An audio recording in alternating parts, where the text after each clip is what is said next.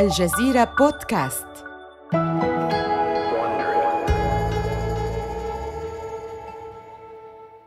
اعتاد أغلب متابعي HBO سماع هذا الشعار. أو ربما هذا اللحن. حقق مسلسل Game of Thrones الذي أنتجته شركة HBO نجاحا واسعا رغم بدايته المتواضعة. أما عن بدايات HBO نفسها فربما عليك العودة أربعين سنة قبل هذا التاريخ لتعرف كيف كانت.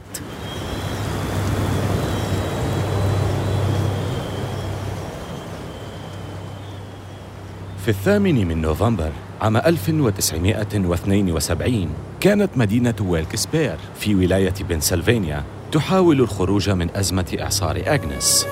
اخرجوا الآن. اخرجوا الآن. ما زال هناك وقت هذا تحذير بأن مياه النهر بدأت تخرج عن السد. التقرير الذي وصلني يقول إنه من المتوقع للمياه أن تفيض. في الصيف الماضي اجتاحت العاصفة المدينة برياح تبلغ سرعتها 136 كيلومترا في الساعة. فاض نهر ساسكوهان المجاور حتى غمر السدود ووصل إلى الناس في بيوتهم. والآن في هذا الأربعاء الخريفي تقترب عاصفة أخرى بسرعة. يشعر تشارلز دولان رجل أعمال من مدينة كليفلاند بضيق صدره وهو يتتبع مسار الدمار. لا يعني ذلك أن منزله في خطر بل إن أحلامه هي المهددة بذلك. يخشى دولان من أن تنسف هذه العاصفة القادمه تمديدات الكابلات لأول 325 عميلا لديه. كما ترى فإن لديه هذا المشروع الذي عمل عليه وهو قناة تلفزيونية مدفوعة يسميها Home Box Office ربما تكون قد سمعت عنها. قبل أسابيع توجه دولن وفريق مبيعاته إلى ويلكسبير للترويج للقناة بين سكان المنطقة التي عانت من الكارثة قبل أشهر. ما تزال طرقات منطقتهم غارقة بالمياه، ومع ذلك بطريقة أو بأخرى أقنع دولن ومندوبوه السكان بدفع ستة دولارات شهرياً مقابل الاشتراك في خدمة تلفزيونية تصلهم من خلال الأسلاك لا الهوائيات التقليدية ستعرف الخدمة لاحقا بالكابلات. يمكنها أن تقدم لهم ما سماه هو وفريقه بالبرامج المميزة. لكن الحقيقة أن ما ستقدمه الخدمة هو بعض الأفلام الفاشلة جدا إضافة لنقل مباريات رياضية من مجمع ملاعب ميديسون سكوير جاردن في هذا المساء من نوفمبر يتضمن الجدول الزمني لقناة دولان الخاصة مباراة هوكي لفريق نيويورك رينجرز. وفيلما من الدرجة الثانية صدر قبل عامين اسمه Sometimes a Great Notion. في هذه الليلة يطغى تقرير الأحوال الجوية للتلفزيون المحلي على قناة دولان الذي يركب سيارته على أي حال. ويشق طريقه بصعوبة وسط العاصفة إلى مقر شركة الخدمات التلفزيونية المحلية. هناك يضغط على زر لتشغيل بث محتوى قناته المجدول وينتظر. تتلبد الغيوم تعوي الريح وتعبث بالأسلاك.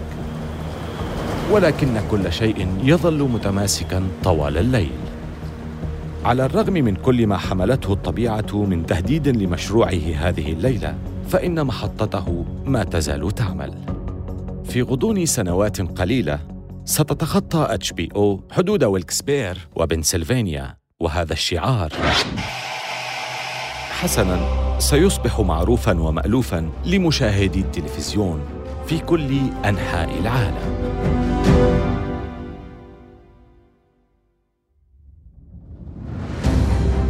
من الجزيرة بودكاست بالتعاون مع Wondery هذا بودكاست حروب الأعمال.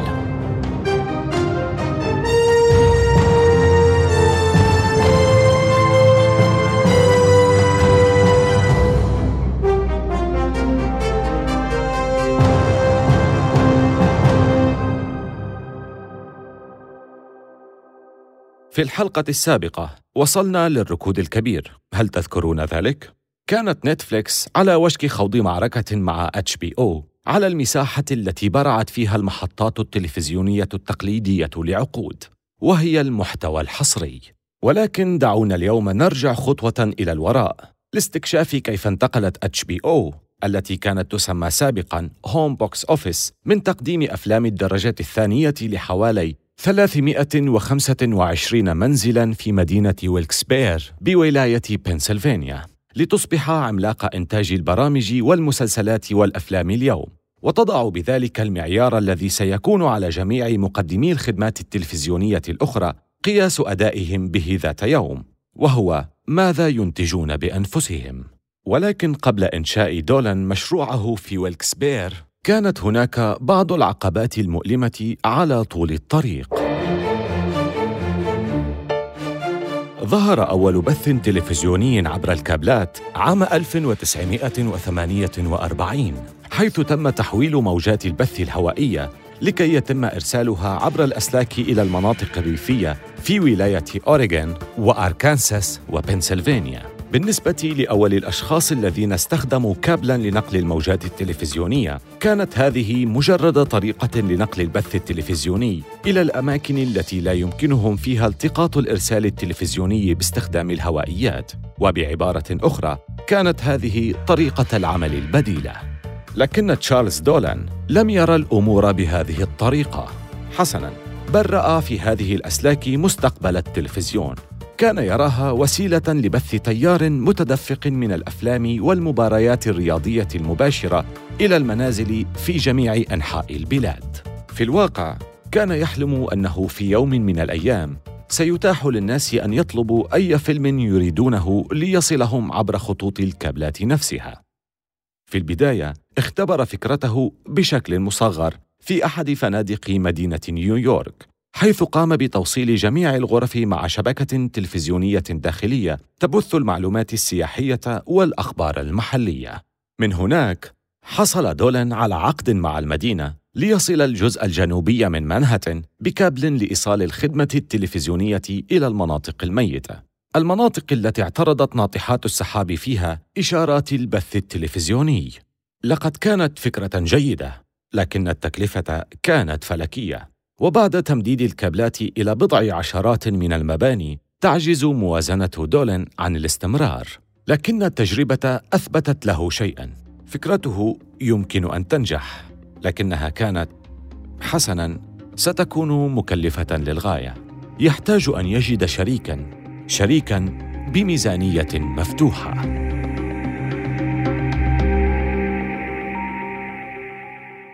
هذه هي اللحظة التي دخلت فيها شركة Time Incorporated عملاق النشر إلى المشهد. تبحث شركة Time Inc عن طرق جديدة لتوسيع حضورها الإعلامي خارج المجلات والكتب. لذا ترصد الشركة 30 مليون دولار لفكرة قناة دولن، لكن المشكلة في إحجام الناس عن الاشتراك. حلم دولن في خطر لأن عليه إقناع العملاء بالدفع مقابل شيء يحصلون عليه بالفعل مجانا. التلفزيون. هل تدفع مقابل التلفزيون؟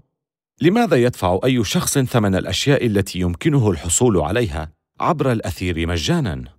بالضبط. هذا هو. يحتاج دولان إلى تقديم شيء لا تملكه الشبكات الأخرى.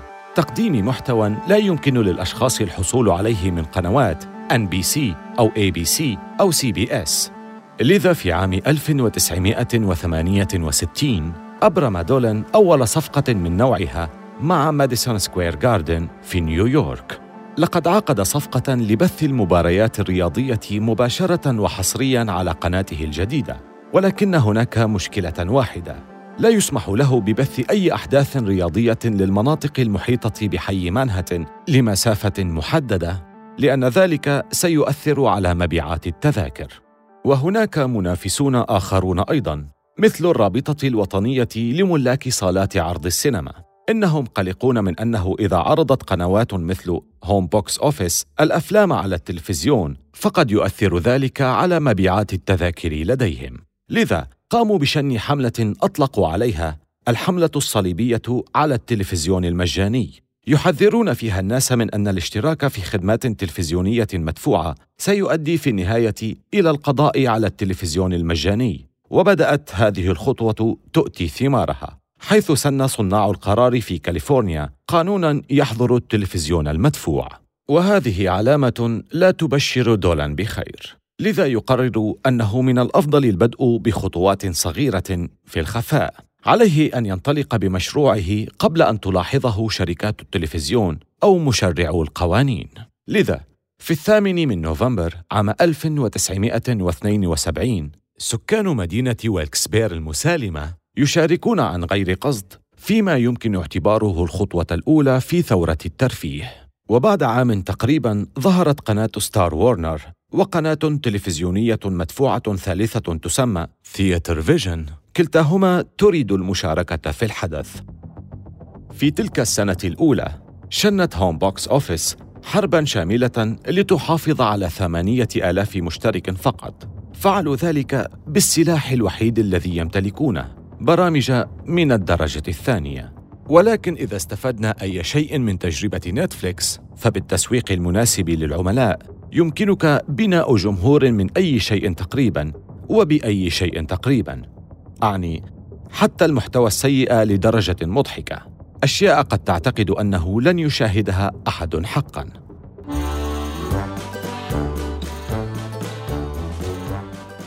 نعم مثل موسيقى البولكا مثلا. في عام 1973 دفع ستون ألف شخص اشتراكا بقيمة ستة دولارات في الشهر ليشاهدوا مهرجان البولكا على HBO. Time Incorporated يعجبها ما ترى ليس المحتوى ولكن المبدأ. تشتري الشركة حصة دولان من HBO وبالدعم المالي السخي الذي تملكه تستطيع HBO الآن أن تضيف المزيد من الأفلام المطلوبة إلى قائمة أفلامها بالإضافة إلى عروض stand-up comedy غير الخاضعة للرقابة. تضيف أيضا برامج تعليقات رياضية مثل Inside the NFL وبرنامج Race for the Pennant بالإضافة لبث مباريات الملاكمة والتنس مباشرةً. وكانت هذه البرامج تنافس برامج ضخمة في القنوات المجانية مثل The Waltons و The Mary Tyler Moore Show و All in the Family. حتى مع وجود محتوى دون مستوى منافسيها فإن هناك شيئا مختلفا يميز HBO إنها الآن أنضج قليلا وهذه هي البدايات الأولى قبل أن تعرف HBO نفسها بدقة ووضوح. إنهم يختبرون الوضع مستفيدين من حقيقة أنه على عكس البث التلفزيوني لا توجد محظورات على HBO في الواقع بما أن الحكومة الفيدرالية لم تسن قوانين تنظم البث التلفزيوني المدفوع بنفس الطريقة التي تنظم بها البث التلفزيوني المفتوح يمكن ل HBO إظهار العري والمشاهد الجنسية في وقت متأخر من الليل وهو محتوى لا يمكن للشبكات الثلاث الكبرى مجرد الاقتراب من عرضه. نظرة واحدة للشاشة وسيبدو الفرق واضحا جدا. في الحقيقة سيكون شعارهم في السنوات القادمة إنها ليست قناة تلفزيون إنها HBO بحلول عام 1975 كانت HBO جاهزة للتوسع محليا لتصطدم فجأة بعقبة على الطريق. كانت هناك تكنولوجيا راسخة يسميها الجميع Ma Bell أو الأم بيل سخرية من نظام احتكار الاتصالات الذي تديره شركة بيل للتكنولوجيا. تطلب شركة الهاتف 25 مليون دولار كرسوم بث لتسمح ل HBO بالنمو إلى ما بعد نيويورك وبنسلفانيا. ولكن HBO لا تكسب ما يقترب حتى من هذا المبلغ. ليس الآن على أي حال. بالإضافة إلى أن هذا ابتزاز. مديرو HBO غاضبون جدا. إنهم يبحثون عن بديل. لذا يراهنون على القيام بالأمر بأنفسهم. استثمروا في تكنولوجيا الأقمار الصناعية لكي يتم بث HBO من خلالها إلى كل أنحاء البلاد. لن تكون HBO رهينة لشركات الاتصالات الأمريكية بعد الآن. لقد آتت هذه التكنولوجيا ثمارها بسرعة ومنحتهم شيئا آخر أهم انتشارا عالميا غير متوقع. سادتي إنها مباراة الحسم. تريلا في مانيلا تقدم لكم جو فريزا وفي الزاوية الحمراء بطل العالم للوزن الثقيل محمد علي عام 1975 تشتري HBO حقوق بث مباراة اللقب Thrilla from Manila للوزن الثقيل بين محمد علي وجو فريزر. إنها واحدة من أعظم مباريات الملاكمة في كل العصور. يشاهد الأمريكيون المباراة مباشرة من الفلبين وهم متحمسون. يدرك المشاهدون الفكرة أخيراً. باستخدام HBO لا يقتصر الأمر على مشاهدة أشياء لا يمكنك العثور عليها في أي مكان آخر إنها الأشياء المثيرة للاهتمام والمتعة يصل معدل الاشتراك في HBO إلى 30 ألف مشترك جديد شهرياً بحلول عام 1980 يصبح لدى HBO أكثر من مليون مشترك في أنحاء البلاد يصبح الكابل منتشراً على أوسع نطاق و HBO لها الحصة الكبرى. يلاحق الناس شاحنات الكابلات حرفياً في الشوارع لتوصيل الخدمة إلى منازلهم. لكن بالإضافة إلى المنافسة بين قنوات الكابل، لدى HBO الآن منافسة مع القنوات المدفوعة. Showtime من Viacom، The Movie Channel، The Home Theater Network، و Disney Channel. هناك مشكلة. جميعها تسعى وراء الأفلام المكررة نفسها والمشتركون قد بدأوا يشعرون بالملل منها قريبا تتوقف الزياده في أعداد مشتركي جميع القنوات المدفوعة في أوائل الثمانينيات من القرن العشرين يعمل بالميشي الابن في قسم الاتصالات في اتش بي أو إنه يعرف أن الأمور يجب أن تتغير جذريا. لا يمكنهم الاستمرار بهذه الطريقة. يقوم بعرض المشكلة أمام فريق التسويق. يدرك المستهلكون هذا ويقولون لن أدفع هذا المبلغ من المال لمشاهدة نفس الأفلام القديمة التي شاهدتها بالفعل على التلفزيون العادي مئة مرة. تحتاج اتش بي أو إلى شيء يثير حماس المشتركين مرة أخرى. شيء يجعلهم يريدون الدفع مجددا مقابل التلفزيون. نحن بحاجة لصنع شيء مختلف شيء جديد. عندما تجذبهم إلى قناتك يجب أن يكون لديك شيء ليشاهدوه. نحن بحاجة إلى العمل بشكل أكبر على برامجنا. اتفقنا لكن من دون الأفلام التي تطرح للمشاهد مباشرة عبر التلفزيون فإن هذا لن يجذب احدا. حسنا يمكن عرض واحد أو اثنين فقط. الجيد منها فقط. يشير ميشي بإصبعه على المشكلة لكنه ليس الرجل الذي سيجد الحل. في الواقع الشخص الذي سيفعل ذلك لن يحل المشكلة فحسب بل سيعيد تعريف HBO واسمه تماما كما خمنتم جيف بيوكس. سمعنا عن اسم بيوكس في العقد الأول من القرن الحادي والعشرين عندما تولى بالفعل إدارة Time Warner. إحدى أكبر شركات الإعلام في العالم. لكن في عام 1977 كان بيوكس شابا في الخامسة والعشرين من عمره مع شهادة إدارة أعمال. يتطلع لكسب المال في بنك استثماري في نيويورك في قسم القروض التجارية. يبدو ملائما لدوره. طويل جدا وأنيق ومرتب لاحقا يسمع عن HBO من خلال أحد أصدقائه يقول صديقه إنه شاهد فيلما في التلفزيون بعد أشهر قليلة من عرضه في صالات السينما فحسب حقا يثير الأمر اهتمام بيوكس أين شاهدته؟ في ليلة عرض الأفلام يوم الاثنين؟ لا لا ليس على القنوات التلفزيونية يا جيف ألم تسمع عن HBO؟ فعلا؟ أين كنت؟ أتقصد خدمة تلفزيونية مدفوعة؟ نعم شيء من هذا القبيل حسنا يشترك بيوكس تلك الليلة ومثل تشارلز دولان في الستينيات فقد كان يرى المستقبل في خطوط الكابلات تلك يترك بيوكس وظيفته المريحة في Citibank ليصبح رجل مبيعات بدرجة وظيفية أقل في HBO لكنه في نهاية المطاف سوف يشرف على أنجح توسع في إنتاج البرامج الحصرية في تاريخ التلفزيون.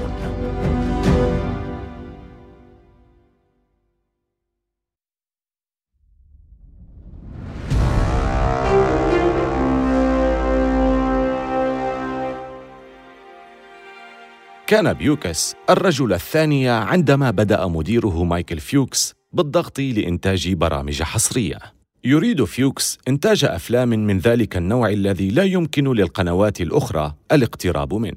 ملفات لا يمكنهم المساس بها. لا قيود فيها على الألفاظ أو المشاهد التي ستتجاوز العري المعتاد لكن في طابع فني بالتأكيد. منذ بدايتها في أوائل الثمانينيات تبدأ HBO في التطرق لجميع القضايا الساخنة في المجتمع مثل الإيدز والإجهاض. والمثلية الجنسية والفساد. وتتصدر HBO عناوين الصحف بهذه التشكيلة المتنوعة لكن المشكلة أن نسبة المشاهدة ثابتة. في نهاية المطاف يرحل فيوكس ويصبح بيوكس الرئيس التنفيذي. يدرك بيوكس أنه رجل أعمال ويدرك أيضا أنه ليس مبدعا. وهذا التواضع هو ما يميزه ويحمله هو و HBO إلى أبعد مما يمكن لأحد تصوره. يحضر بيوكس مدير برامج موهوبا هو كريس أولبريكت ويعملان بجد للوصول إلى فكرة تمنح HBO تميزا في المنافسة. يمرر بيوكس الفكرة للكتاب. إن كنت تقوم بكتابة شيء جريء ورفضته القنوات التلفزيونية قدمه ل HBO لا مانع من الأفلام بالطبع. لكنهم يبحثون عن المسلسلات بشكل خاص. مسلسلات عظيمة. برامج تربط المشاهدين بالشاشة. شيء يبقيهم. يتساءلون عما سيحدث لاحقا. شيء يحافظ على استمرارهم في دفع اشتراكهم الشهري. المشكلة أن لدى HBO بالفعل سمعة في صنع الأعمال التافهة والمليئة بمشاهد العري. حتى بات النقاد يتندرون على برامجها الرياضية بأنها لا تخلو من هذه المشاهد أيضا. لذا لماذا قد يرغب كبار الكتاب والمنتجين في ارتباط أسمائهم بتلك الأعمال؟ حسنا بداية هناك الكثير من الكتاب الباحثين عن فرصة في هوليوود. كتاب جائعون وموهوبون أيضا وجميعهم يريدون فرصة ليصنعوا عمل حياتهم. يرى بيوكس فرصة من شأنها أن تغير أذواق المشاهدين إلى الأبد. يضمن بيوكس لهؤلاء الكتاب المحبطين أنه لن يكون هناك أي تدخل من طرف الاستوديو، لا قواعد ولا قيود للتصنيف، ولكن في المقابل يجب عليهم أن يقدموا نصوصا تتجاوز كل ما هو ممنوع. لو أتيت إلينا فإن العمل هو مسؤوليتك الإبداعية. وأخيرا يمكنك كتابة النصوص التي اعتدت أن تلقيها في سلة المهملات لخوفك من تعثرها في رقابة شبكات التلفزة. ما رأيك؟ يزيد بيوكس الرهان ويضاعف ميزانية الإنتاج ثلاث مرات لتصل إلى 700 مليون دولار. بينما يشعر البعض في HBO بالقلق من أن بيوكس قد لا يكون مدركا لما يفعله وأنه يعرض الشركة لمخاطرة كبيرة. لكن ومع هذه الرهانات الخطرة لابد له من الاستعانة بمواهب مميزة. وعليه يعطي بيوكس وأولبراكت الضوء الأخضر للمخرج ستيفن سبيلبرغ والنجم توم هانكس ليصنعوا مسلسلهم الضخم Band of Brothers لصالح HBO وعلى الرغم من أن بيوكس وأولبراكت تعاهدا قبل الاجتماع مع سبيلبرغ على ألا يتجاوز حجم الإنفاق أكثر من 90 مليون دولار إلا أن ميزانية المسلسل النهائية بلغت 120 مليون دولار. لا يعترض بيوكس على الميزانية التي تغيرت فجأة ولا يتدخل في عمل سبيلبرغ. وماذا عن HBO؟ حسنا. تجني HBO العائدات من مسلسل Band of Brothers من خلال بيع حقوق بثه إضافة لمبيعات أقراص ال DVD وجد بيوكس وأولبريكت وصفتهما السرية شخصيات قوية موضوعات تهم البالغين. قصة طويلة مقسمة لعدة أجزاء وذوقا رفيعا.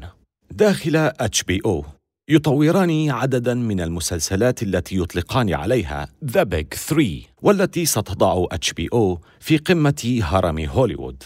إنها حكايات جريئة من حياة الشباب تعبر عن مشاكلهم الحقيقية بطرافة وعمق.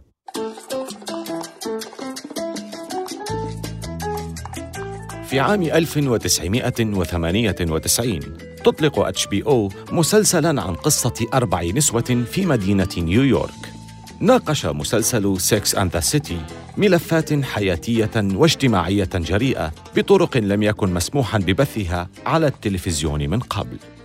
لكن هذا المسلسل يعد محافظا جدا مقارنة بما يتم التحضير له. في العام التالي يقوم ديفيد تشيس وهو كاتب من الطراز الأول بطرح فكرة أولية عن رئيس يبحث عن علاج نفسي من ضغط العمل.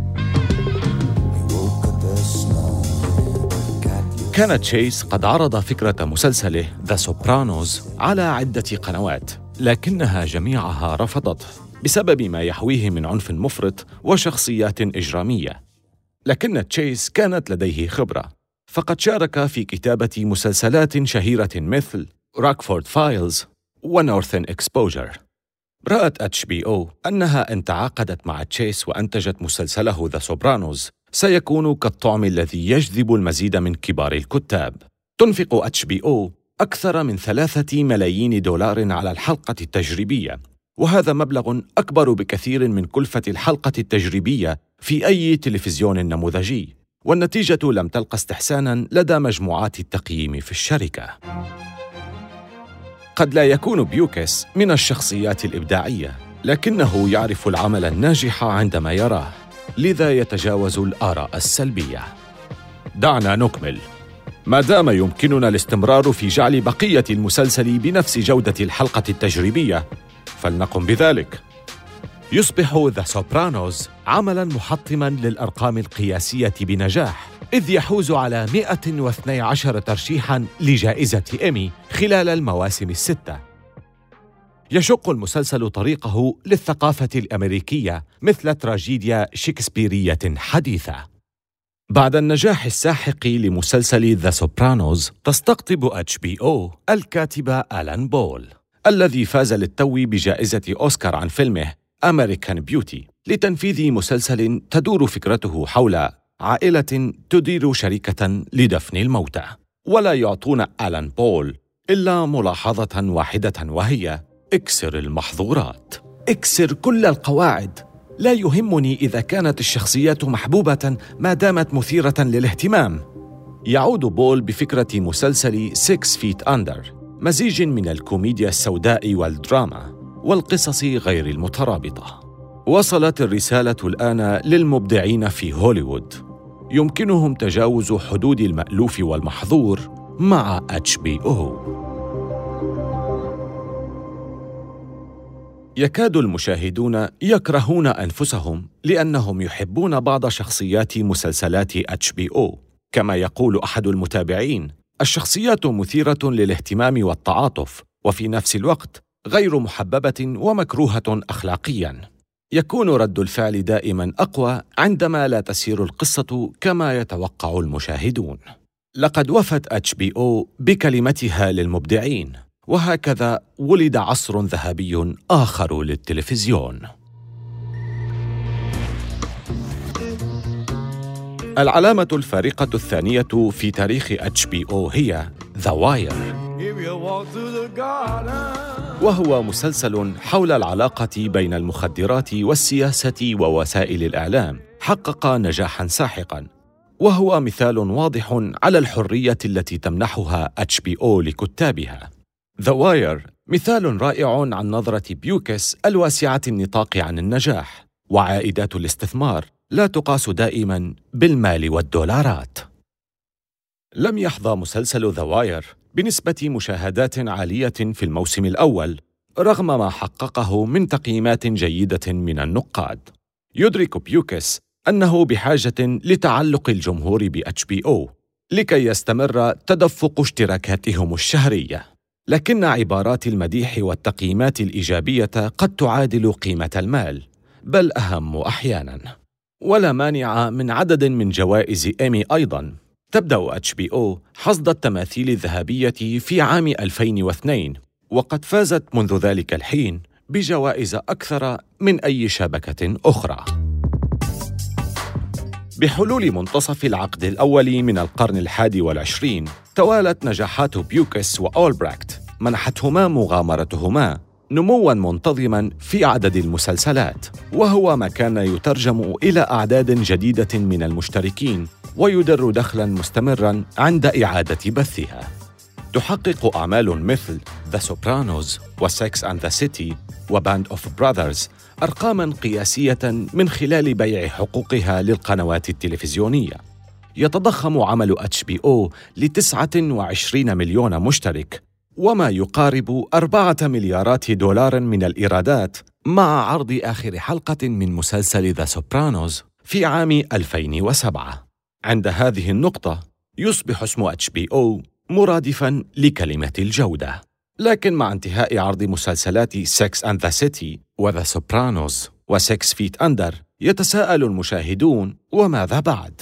هل كانت هيمنة HBO قوية فقط بعروضها التي انتهت؟ هل سيستمر المتابعون بالمشاهدة حتى بعد انتهاء عرض المسلسلات الكبيرة الثلاث؟ بعض قنوات الكابل قلدت HBO وبدأت تصنع أعمالا مثيرة للجدل. AMC حققت نجاحا بعرضها Mad Men وهو مسلسل عرض نصه على إدارة HBO ورفضوا صنعه. سؤال آخر قد يمثل نقطة تحول هامة في تاريخ التلفزيون هل يترك الجمهور المتقلب HBO لمجرد أن حلقة واحدة لم تعجبهم؟ يظهر هذا السؤال في 2007 في الحلقة الأخيرة من The Sopranos حيث يجلس رئيس العصابة توني سوبرانو في مطعم في نيوجيرسي عندما تصل عائلته لتناول العشاء. يظهر توني قلقا بينما تمر عدة شخصيات بجانب طاولته. يشعر الجمهور أن الوضع سينتهي بشكل سيء. لا أحد يعرف كيف لكن شيئا سيئا سيحدث. هل سيهرب توني وعائلته أو سينجون بطريقة أخرى؟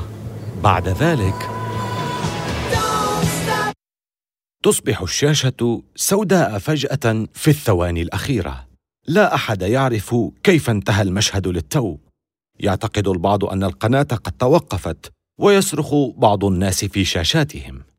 مشهد جديد سجلته HBO في تاريخ التلفزيون لكن أكثر برامجها نجاحا كان قد انتهى. في الحلقة القادمة من حروب الأعمال هل يمكن ل HBO الحفاظ على هيمنتها بينما يدخل عدد أكبر من اللاعبين في سباق المحتوى المميز بما في ذلك شركة تأجير أقراص الدي في دي التي تسمى نتفليكس